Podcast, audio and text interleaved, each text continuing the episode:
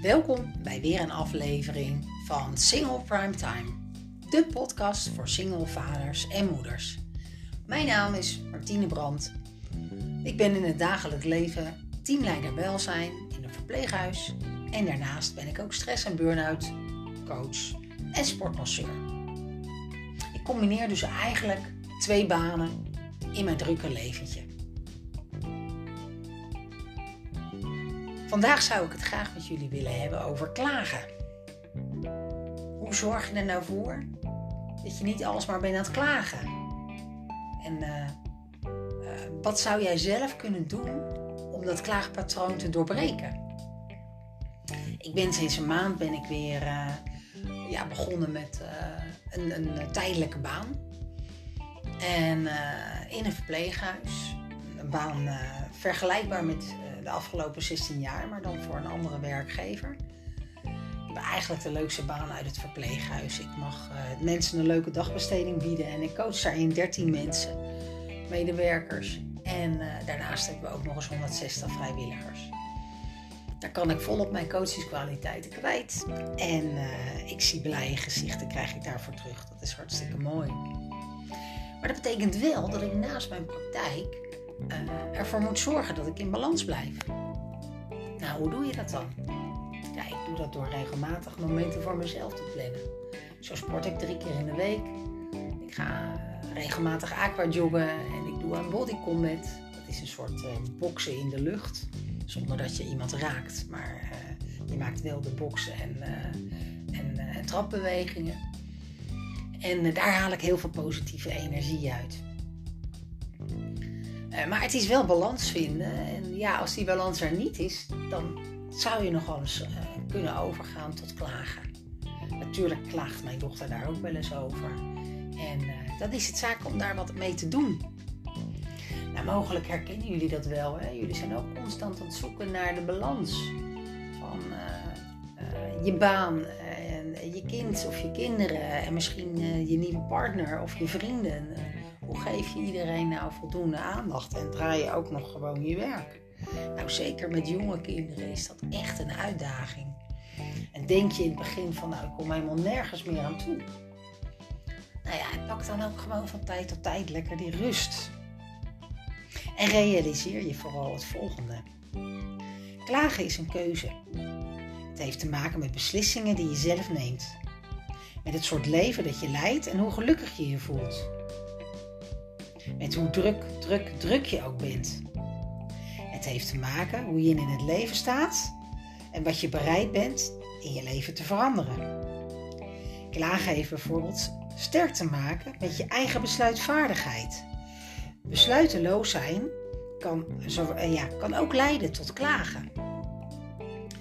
Psycholoog Manon Sikkel onderscheidt twee soorten mensen. Mensen die de verantwoordelijkheid nemen voor hun leven en mensen die dat niet doen. Welke groep denk je dat het meest klaagt? Juist, de mensen die heel erg druk zijn, hebben voortdurend het idee dat ze worden geleefd. Dat ze niet verantwoordelijk zijn voor de richting van hun eigen leven. Dat ze slachtoffer zijn van een toeval of van andere mensen. Daar klagen ze dan graag en veel over. Je bewustzijn van je eigen klaaggedrag is de eerste stap op weg naar uh, het verminderen ervan. Dat is een hele kunst. Maar er zijn trucjes voor. Handigheidjes die je bewust, uh, bewustzijn vergroten en uh, die je daardoor bewust maakt van je eigen klaaggedrag. Soms is daar meer voor nodig dan besef alleen. Het gaat eigenlijk om het afleren van een gewoonte. Een fysieke actie werkt dan beter. De gebeurtenis, als het ware, uh, ingeprent. En uh, dat helpt om het oude gedrag te stoppen. Maar hoe doe je dat dan? De Amerikaanse dominee Will Bowen heeft hier een oplossing voor gevonden. Hij wilde de wereld verbeteren door het klagen aan te pakken. En de dominee, een voormalig advertentieverkoper, ontwikkelde het paarse armbandje. Iedereen in zijn kerkgemeenschap moest dat dragen. En als je klaagde, dan moest je het armband van je ene pols naar je andere pols plaatsen. Zo werd je je bewust eigenlijk van je eigen gezeur. Het armbandje werd een doorslaand succes. Miljoenen armbandjes werden er verkocht in meer dan 100 landen. Will Bowen schreef er een boek over met de titel Een betere wereld. Als therapie stelt hij voor dat mensen met behulp van het armbandje 21 achtereenvolgende dagen niet meer mogen klagen. Volgens Bouwen is dat de periode die nodig is om van een gewoonte af te komen. Daarvoor is geen wetenschappelijk bewijs, maar het armbandje en de strategie zijn desondanks een groot succes. Maar ja, weet je, ook als je geen zin hebt om zo'n armbandje te dragen, zijn er mogelijkheden om je eigen klagen te voorkomen. De volgende vijf tips zijn daarbij heel handig. Ze zijn bedoeld als interne dialogen, gesprekken met jezelf. Je roept jezelf als het ware ter verantwoording voordat je de klacht naar buiten brengt. Als het je dan lukt om je eigen klagen te voorkomen, is er weer een hoeveelheid negatieve energie minder de wereld ingegaan. Tel tot 10. Vraag jezelf af hoe belangrijk is het voor je? Wil je alleen maar je gal spuwen? Of heb je daar daadwerkelijk ook een doel bij? Tel tot 10 en klik dan pas op cent. Terwijl je bij je persoonlijke contact nog enig moed dient te verzamelen voordat je een klacht naar voren brengt, maken de moderne media het je wel heel makkelijk om je gal te spuwen. Als je je nieuwsbrief van de Sportpluk ontvangt, waarin je leest dat de nieuwbouw van de sportkantine voor de zoveelste keer is uitgesteld, omdat de voorzitter blijkbaar nog steeds geen financiële risico's durft te nemen, voel je je bloed koken. Kijk, dat pik ik dus niet. Zo zijn er natuurlijk tal van voorbeelden waar jij zelf over klaagt. Ga eens bij jezelf na, hoe, hoe zit dat voor jou? Hoe werkt dat? tel jij tot 10? Ben jij van origine een, negatieve denker? probeer het positieve ergens van te zien. Wat zou, wat zou het gedrag van deze persoon nog meer op kunnen leveren dan alleen maar te kijken naar wat er nu niet goed gaat? En wanneer zou dit gedrag heel erg gewenst zijn? En ook voor jezelf als iets niet lukt. Het lukt nu nog niet, maar dat wil niet zeggen dat het je nooit gaat lukken. En vraag je eens af waarom. Waarom klaag, ik eigenlijk? Is het alleen maar klagen om het klagen? Of zoek ik grip of troost? Of wat, wat wil ik eigenlijk met dit klagen bereiken? Zelfkennis is de manier om in contact te komen met je emoties. Als je ontevreden bent over je werk en over je werkgever, maar je kunt er nog niet weg, dan, ja, dan, dan kan die ontevredenheid, on, ja, ontevredenheid zich zeg maar direct uiten. Gaat je bijvoorbeeld ergeren aan het aanbod uh, uh, op tv en uh, het pubergedrag van je kinderen. Het, ja, het snurken van je partner. Meestal wordt er wel direct op het onderwerp van je klagen gereageerd. Dus vraag jezelf dat eens af. Hoe geldt dat eigenlijk voor mij? Waarom klaag ik? Omdat je niet tevreden bent? Je werk, met je relatie. Zeg het dan. Door je eigen klaaggedrag te herkennen, uh, uh, ga je ook de achterliggende emoties en motieven herkennen. Nou, zo zijn er tal van dingen die je zelf kan doen. Denk in oplossingen. En wat uh, te doen als je het niet kunt laten. Hè? Als je dan toch klaagt.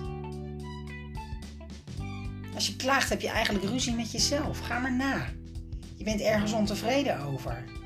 En pas daarna ga je klagen. Dat is eigenlijk een bijzondere vorm van ruzie maken. Je wilt dus je ei kwijt. En dat zeg je door, door te zeggen wat er op je hart ligt. Er zijn natuurlijk verschillende manieren om dat te doen. Wat is de beste? Voorkom onnodig geklaag en ergernis bij gesprekspartners met de volgende tips. Geef eens een compliment in plaats van dat klagen. En blijf, respect, blijf respectvol. Heel belangrijk. En als je dan toch klaagt, doe het rustig, beleefd en respectvol. Bedenk steeds dat wat je wil bereiken met het klagen en wat je doelen zijn. Verlies ze niet meer uit het oog. Kom je uiteindelijk het verst mee. Nou, ik hoop dat jullie uh, hier wat mee kunnen. Het, uh, het is belangrijk om, om uh, van tijd tot tijd gewoon dus, ja, naar jezelf te kijken. En, en te erkennen ja, dat je misschien wel soms klaagt. En zie het dan als een mooie ontdekkingsreis om te kijken van ja, waar wil ik nou eigenlijk naartoe? Waarom klaag ik en wat zou ik er zelf aan kunnen doen om dit te veranderen? Of blijf ik gewoon eeuwig klagen? Nee, je bent het waard om, uh, om, uh, om uh, een leuk leven te hebben. En je bent volop bezig om je nieuwe leven vorm te geven. En ja, hoort klagen daar dan bij? durf die stappen te zetten van verandering. Zorg ervoor dat je een leven creëert waarin je niet hoeft te klagen, omdat je eigenlijk gewoon hartstikke blij bent met jezelf en met je omgeving. En eh, ja, uh, begrijp wat het met, met, met kinderen doet als jij alleen maar klaagt. Hè? Kinderen die. die uh, jij bent hun voorbeeld. Jij bent hun voorbeeld en laat zien wat een fantastische vader of moeder jij bent. Door regelmatig te benoemen waarom je zoveel van ze houdt en waarom je waarom je, uh, jij destijds voor hun gekozen hebt. En dat zal de ene keer makkelijker gaan dan de andere keer. Maar uh, ik weet zeker dat jij het kan.